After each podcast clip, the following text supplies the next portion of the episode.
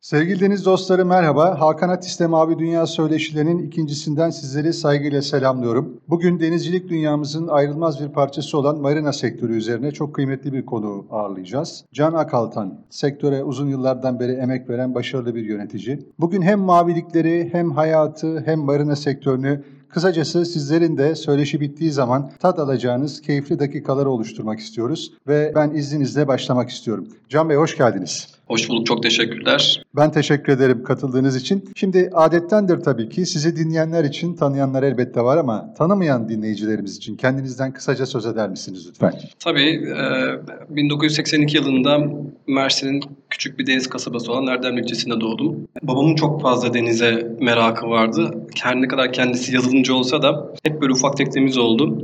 Sağ olsun her sabah böyle saat 5'te beni uyandırıp balığa götürürdü. O yüzden balığa karşı acayip bir antipatim var ama denize karşı çok büyük bir sevgim var. Denizcilik Fakültesinden mezun oldum. Akabinde bir 6 sene süper yatlarda çalıştım. Sonra da işte 10 yıllık bir marina tecrübem var. Şimdi tam da bu noktadan yakalayalım isterseniz. Marina sektöründe Türkiye'de biz neredeyiz? Atılımlar yapıldığını biliyorum, gözlüyorum sektörü ama bir de bu işin profesyonelinden dinlemek isterim açıkçası. Yani şöyle bakmamız lazım. Bence iki türlü bakabiliriz buna. Genelde bağlama kapasitesi olarak bakılıyor. Bağlama kapasitesi olarak baktığımızda Avrupa'nın gelirsindeyiz. Daha fazla marineye ihtiyacımız var. Daha fazla bağlama yerine ihtiyacımız var. E, ama diğer öte taraftan yeni olduğu için yatırımlarımız, marinalarımız Avrupa'daki eski rakiplerine kıyasla çok daha yeni, altyapıları daha yeni. O yönde de hem personel açısından hem misafire yaklaşım açısından hem de verilen hizmetler açısından çok daha ilerideyiz. Dediğinize katılıyorum. Gerçekten marinacılık sektörü Türkiye'de belki biraz geç keşfedildi ama yatırımlar gerçekten yeni. Biz de öyle bir tesisten bugün bu yayını gerçekleştiriyoruz. Çeşme'ye, Çeşme'nin sosyal hayatına da renk katan Çeşme Marina'dan size de ve İbrahim Çeçen Holding'in tüm yöneticilerine de teşekkür ediyorum işten konukseverliğiniz için. Bize marinanızı anlatır mısınız? Tabii. E, Çeşme Marina 2010 yılında operasyona açıldı. Sizin de az önce belirttiğiniz gibi ICO Holding ve Campbell Nicholson Minas International ortaklığıyla kuruldu. E, açıldığından bu yana yanlış hatırlamıyorsam 8. ödülünü aldım. Büyük bir ihtimalle Türkiye'de Türkiye'nin en ödüllü marinası ama büyük bir ihtimalle dünyanın da en çok ödül alan marinası Çeşme Marina. Denizde 400, karada 100 kapasitesi var. Bunun dışında 40 bin metrekarelik bir ticari alanı var. Çok başarılı bir sosyal hayatı var. E, kısaca böyle açıklayabilirim marinayı. Ülkemizde Can Bey genellikle marina sektörü biraz mesafeli değerlendiriliyor. Gözlemim o doğrultuda. Çünkü e, belki de biz denizciliği o 1960'ların 70'lerin siyah beyaz Türk filmlerinden kalma rahmetli Hulusi Kentmen'in çizdiği fabrikatör tiplemesiyle özdeşleştiriyoruz. Ve hep o kotra sözcüğüyle tanımlanıyor. Ama denizcilik elbette bu değil. Ben kuzey ülkelerinin denizcilik kültürüne gerçekten çok büyük saygı duyuyorum ve hayranlıkla takip ediyorum. Türkiye'nin de o çizgiye gelmesini arzu edenlerden bir tanesiyim. Tam da bu noktada marina sektörüne ülkemizde kamuoyunda biraz haksızlık yapıldığını düşünüyor musunuz? Şöyle bakmak lazım diye düşünüyorum ben burada olaya. Evet bir İsveç, Norveç gibi değiliz. Öyle olmamız gerekir mi? Bence kesinlikle gerekir. Çünkü üç tarafı denizlerle çevrili bir ülkede yaşıyoruz. Klasik bir söz ama bu, bu bir gerçek. E, bunun için denizle buluşmak için deniz vasıtasına ihtiyaç var. O yüzden bunu üretmemiz lazım. Biz aslında çok güzel tekneler yapıyoruz. Çok güzel büyük tekneler yapıyoruz ama ufak teknelere gelince makineyle, yerli makineyle ilgili sorunumuz var. Bu sorunu bence aşmamız lazım.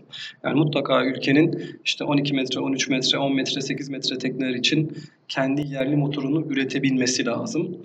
Tabii tekne almakla bitmiyor. Ondan sonra bu nereye bağlayacağız? İkinci şey de bu. Hiç şüphesiz o da çok önemli bir problem Türkiye'de. Evet. Yani şu ana kadar tüm ülkemizin ve devletimizin stratejisi Avrupa'daki pastadan pay çalmaktı. Yani Avrupa'daki işte biz tekne sahiplerini alalım, ülkemize gelsinler, bize döviz getirsinler, bize para kazandırsınlardı. Ama zaman çok değişti. Teknolojik sizin de dediğiniz gibi eskisi kadar pahalı bir e, uğraş değil. Bunun yanında açıkçası bu işin ekonomisinde de bir evrim oluştu. Artık tekne paylaşımı diye bir şey var. 3 ortak, 4 ortak, 5 ortak tekne paylaşabiliyorsunuz. Tekne yerli yapımda fiyatlar indi. Her ne kadar makine dışarıdan gelse de genelde teknenin %40'ı işte makinedir, %60'ı diğer e, ekipmanlardır. O yüzden ucuzladım. E, bununla ilgili de ben marinadan çok bağlama yeri yapılması gerektiğini düşünüyorum. Yani bağlama yerinden kastım nedir? Bunlar yat barınakları. Şu anda birçok balıkçı barınağında yatları görüyoruz. Bunun çok doğru olmadığını düşünüyorum. Çünkü onlar balıkçılar için yapılan barınaklar. Yatlar için özel yat barınakları yapmalıyız. Ve bunlar marina kadar çok fazla hizmet vermese de olur. Marina gerekmiyor mu? Tabii ki marina gerekiyor. Çünkü onun müşterisi farklı oluyor misafiri. E diğer tarafın müşterisi farklı oluyor. Bu, bu bence dağılımı iyi yapmamız gerektiğini düşünüyorum. Mavi Dünya Söyleşileri dijital platformda Google Podcast, Spotify, Radyo Public başta olmak üzere dijital dünyanın birçok seçkin platformunda yayınlanıyor. Bu sebeple bu kadar geniş bir mecrayı bulmuşken ve sunmuşken sizden yine size göre sektörün en önemli 3 sorununu öğrenebilir miyim? Çok fazla sorunu var sektörün inanılmaz. Bence sektörün en büyük sorunu. O hemen devamında gelen soru hiç şüphesiz merak etmeyin ama hani ilk 3 dediğiniz zaman şu şu ve bu nedir sizin için? Ya bana sorarsanız özellikle yatırım aşamasındaki en büyük sorun marinaların birden fazla bakanlıkla ve birçok merciyle bir sürü işin olması. Yani izinler çok geç çıkıyor. Ondan sonra işte yatırımla ilgili izinler çok geç çıkıyor. Ondan sonra işletmeyle ilgili izinler çok geç çıkıyor. Ve birçok kişiyle, Ulaşma Bakanlığı'yla, Turizm Bakanlığı'yla, bazı yerde Orman Bakanlığı'yla, Çevre Şehircilik Bakanlığı'yla birçok bir yerde birçok işlem var. Bu başlı başına bir iş. Çok büyük bir iş. Bununla ilgili daha önce Deniz Turizm Birliği Derneği yuvarlak masa çözümünü önerdi ama nedense hayata geçiremedik bunu. Onun dışında marinaların kiraları çok çok pahalı. Yani şimdi ortalama bir marina kirası 5-6 tane 5 yıldızlı otelin kirasına eşit. Bu kiralar ister istemez bağlama fiyatlarına yansıyor. Bağlama fiyatları da yatçılara yansıyor. O yüzden yatçıyla marinacı maalesef karşı karşıya kalıyor. Diğer bir sorun bana sorarsanız operasyon olarak düşündüğümde e, bu denizden atık alım sistemi bence çok büyük bir sorun. E, çünkü yeterli altyapı yok bununla ilgili. Bir marina kendi çevre yönetim planının çok daha üstünde tekne sayısına hizmet vermek zorunda kalıyor. Çünkü diğer taraflarda işte balıkçı barınaklarında vesairede altyapı olmadığı için genelde oradaki teknelerde bizim marinalarımızı kullanıyor. E bu tabii ki daha büyük getiriyor marinalara. Önemli bir noktaya değindiniz. Şimdi diğer sorunları da öğreneceğim ama halk deyimiyle parmak bastığınız nokta çok önemli. Bir, dediğiniz gibi balıkçı barınaklarında yelkenlilerin ya da motor yatların ne işi var? Orası balıkçılar için yapılmış alanlar. Ancak denizciler de haklı çünkü teknesini bağlamak istediği marinalardaki kiralar hayli yüksek. Hal böyle olunca işte biraz geçici bir çözüm. Aratonlarda bir buluşma diyorum hatta ben oradaki e, tekne sahiplerinin durumuna. Fakat hepsi de tabii ki bu durumdan e, şikayetçi, memnun değil. Çünkü teknesi zarar gören var veya başka sıkıntılar yaşayanlar var. Diğer taraftan ifade ettiniz, Türkiye'de marinacılık göreceli yeni. Fakat maliyetler çok yüksek olduğu için tekne bağlamak istediğiniz zaman doğal olarak ciddi maliyetlerle karşı karşıya kalıyorsunuz. Şimdi tam bu noktadan baktığımız zaman bir de kültür problemiyle karşı karşıya kalıyoruz. Az önce siz de vurguladınız. Kuzey ülkelerinden söz ettik. Denizcilik gerçekten oralarda bir toplumsal kültür. Peki bizde bu nasıl olabilir sizce? Yani çünkü sizin birkaç şapkanız var, profesyonel bir yöneticisiniz ama diğer taraftan da usta bir kaptansınız. Estağfurullah. Dolayısıyla da bunu nasıl görüyorsunuz? Neler yapılmalı? Bu işin denizcilik kültürünün kökleşmesi için Türkiye'de sizce neler yapılmalı? Eğitim şart. Cem Yılmaz'ın kulakları çınlasın. Evet. Ben de katılıyorum ona. Ben kendi adıma söyleyeyim. Ben denizcilik fakültesinde okurken bize önce denizci olmayı öğrettiler. Ondan sonra denizcilik bilimini öğrettiler. Ve bizde her zaman denizci olmak daha önde geldi. O işte adabı almak, kültüre almak, ahlakı almak, çalışma ahlakını almak, işte zamanla ilgili dakik olmak hep biz bunları önce öğrendik. Ondan sonra geri kalan bilimi öğrendik. Çünkü diğer türlü işi bir şekilde öğreniyorsunuz deneyimle. Şu an bilgi ulaşmak her zamankinden daha kolay zaten. Ama asıl o temel şeylerin oluşması lazım. Ve bununla ilgili küçük yaştan çocukların denize buluşturulması lazım. Bence bu çok önemli. Ne kadar erken yaşta çocuklarımızı denize buluşturabilirsek o kadar iyi olur. Mesela arkası ben çok takdir ediyorum bu konuda. Onun yelken kulübü yüzlerce çocuğu her sene denizle buluşturuyor ve onlara denizcilik eğitimini veriyor. Gerçekten takdire şayan Ar Arkas Yelken Kulübü'nün yaptıkları. Bir diğeri de tabii ki denize dokunmamız lazım. Yani denize girmeden, e, denizi tatmadan denizci kültürünü alamayız. O da işte daha önce anlattığım deniz vasıtasına ve bağlama yerine işlerine geliyor. Mutlaka altyapımızı sağlam yapmamız lazım. Bir başka şekilde anlatmak gerekirse uzaktan bakarak, denizi seyrederek maalesef maviliklerle bütünleşmek mümkün değil. Türkiye'de çözülmesi gereken temel bir problem bu. Ben bunu bir adım daha öteye götürüyorum. İç sularımızda ve göllerimizde de aslında biz denizcilik sporlarını, su sporlarını çok başarıyla çok güzel yapabiliriz. İşte İtalya'da, İsviçre'de. İsviçre çok güzel e, tabii örnek. çok evet. çok güzel örnekleri var bunun. Tutamasa Ve... banyoda yapacaklar. Yani en ufak bir su birikintisinde hemen Kesinlikle, kesinlikle. Yani çok çok profesyonelce değerlendiriyorlar bunu ve dolayısıyla da e, denizcilikle çevre kültürünü o kadar iyi harmanlıyorlar ki hem gelecek kuşakları kazanıyor bu insanlar hem de kendileri keyif alıyorlar. Ben umutluyum Türkiye adına. Örneğin Van benim meslek hayatımda çok sık gittiğim ve çok da beğendiğim, sevdiğim bir e, kentimiz ve etrafındaki coğrafya. Neden diyorum örneğin Van Gölü'nde bu olmasın? Hatta bunu geçtiğimiz yıllarda Yelken Federasyonu Başkanı Özlem Hanım'a da söylemiştim. Milliyet Pazar'daki köşemde de bunu yazmıştım. Israrla da bu temayı işlemeye devam ediyorum. Bu gerçekten e, bir gün Türkiye'de de böyle bir kült haline inşallah e, gelecektir. Ankara'dan mesela çok çok iyi yatçılar çıkıyor Ankara'dan baktığınızda. Çok iyi denizciler çıkıyor. Ankara deniz olmamasına rağmen çok fazla yani denizcilik, şey sualtı fotoğrafçılığı, tüple dalış. Mesela ODTÜ'nün biliyorum harikulade bir sualtı topluluğu var.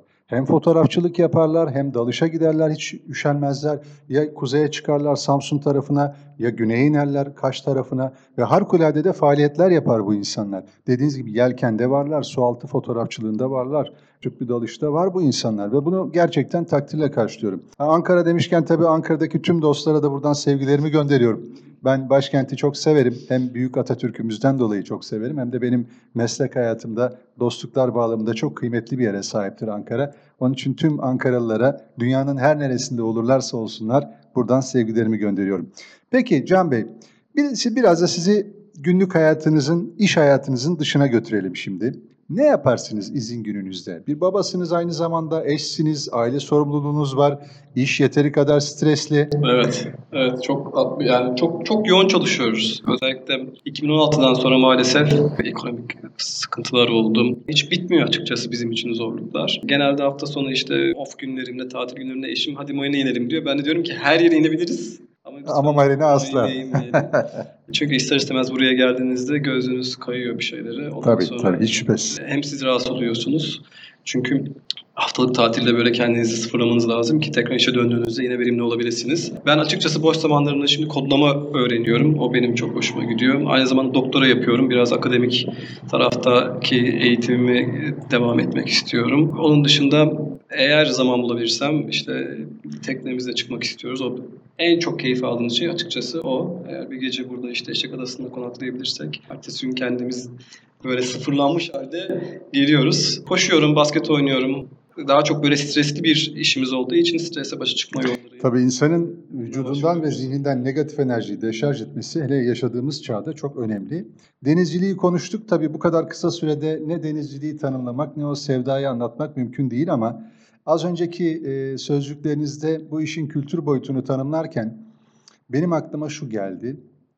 E, bunu yazmıştım da. İzmir'de neden bir Sadun ve Oda Boro Denizcilik Müzesi yok diye düşünürüm. Hatta bunu uzun süre gündeme getirdim. Fakat duyan olmadı sesimizi. Sonuç itibariyle bu ham bir hayal olarak kaldı ama ben hala onun peşinden koşuyorum. İnşallah amatör Türk denizciliğinin bence sembolü ve atası sayılan Sadun Boro'nun anısına Umut ediyorum ki bir gün Deniz Kenti İzmir'de güzel bir müze yapılır ve orada sizin gibi değerli denizci dostlarımızın da katkılarıyla halkın bu kültürle buluşması daha da yaygınlaşır. Bunu ben de gerçekten çok arzu ediyorum. Şimdi son olarak şunu sorup söyleşiyi tamamlamak istiyorum ben.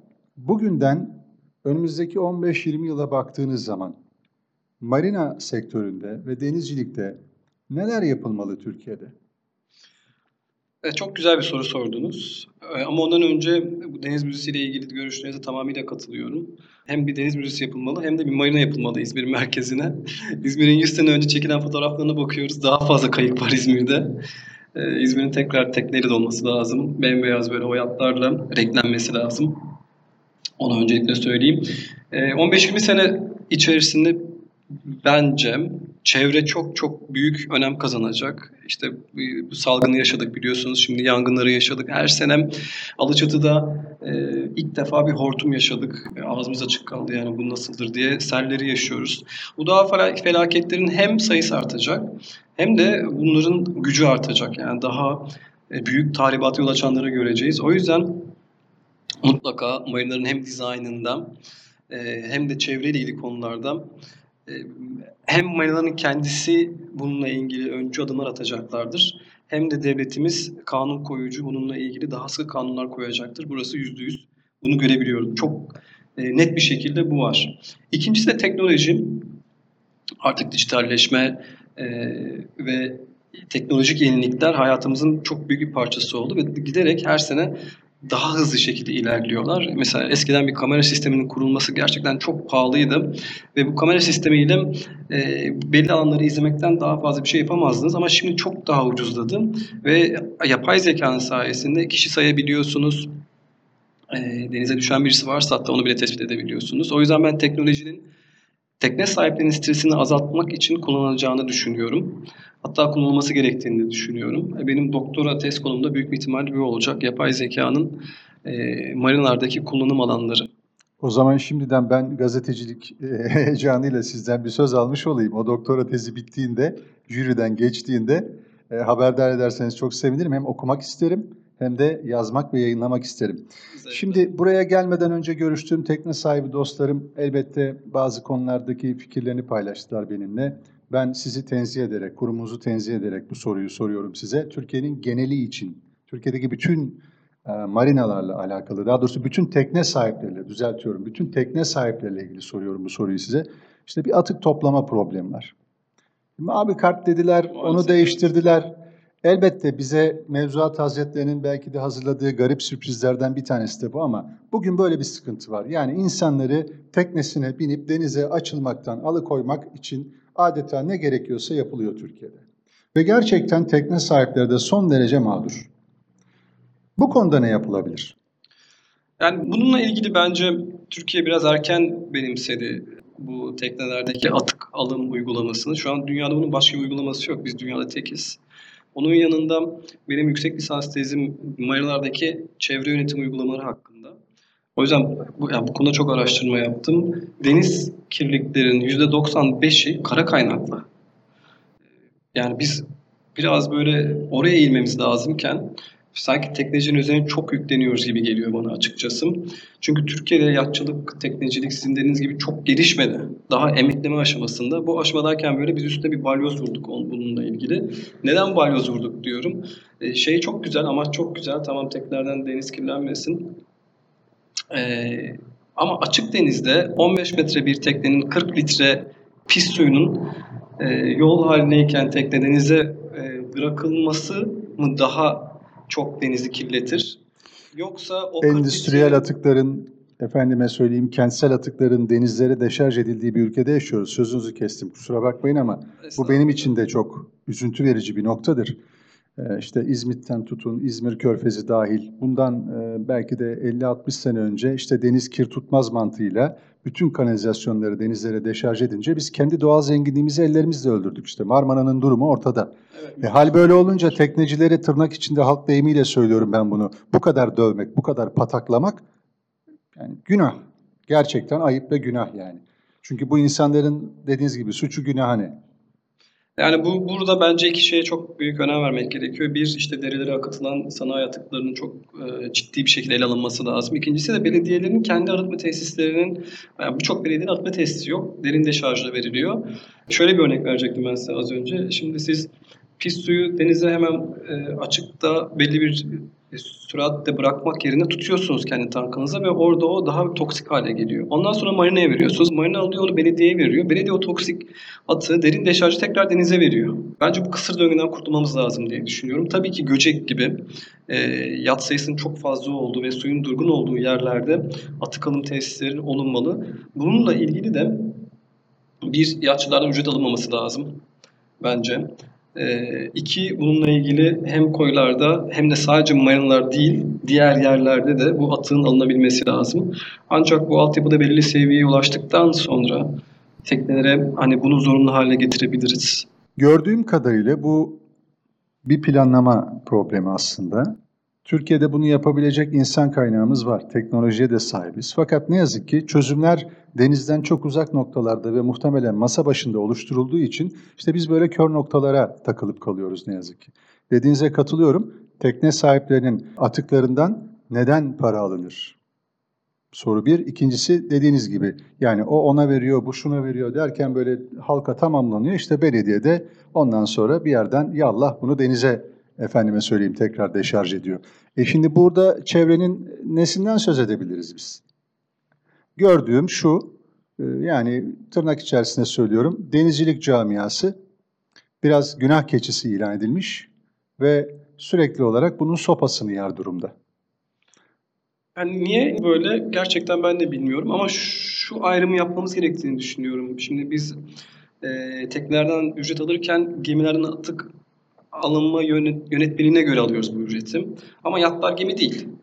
E, bizim mevzuatımızda maalesef gemi yat ayrımı hala yapılamadı. Yani bizim için her yat 3 metrede olsa, 5 metrede olsa, eğer motorla götürülüyorsa, sevk ve idare ediliyorsa gemi statüsünde oluyor.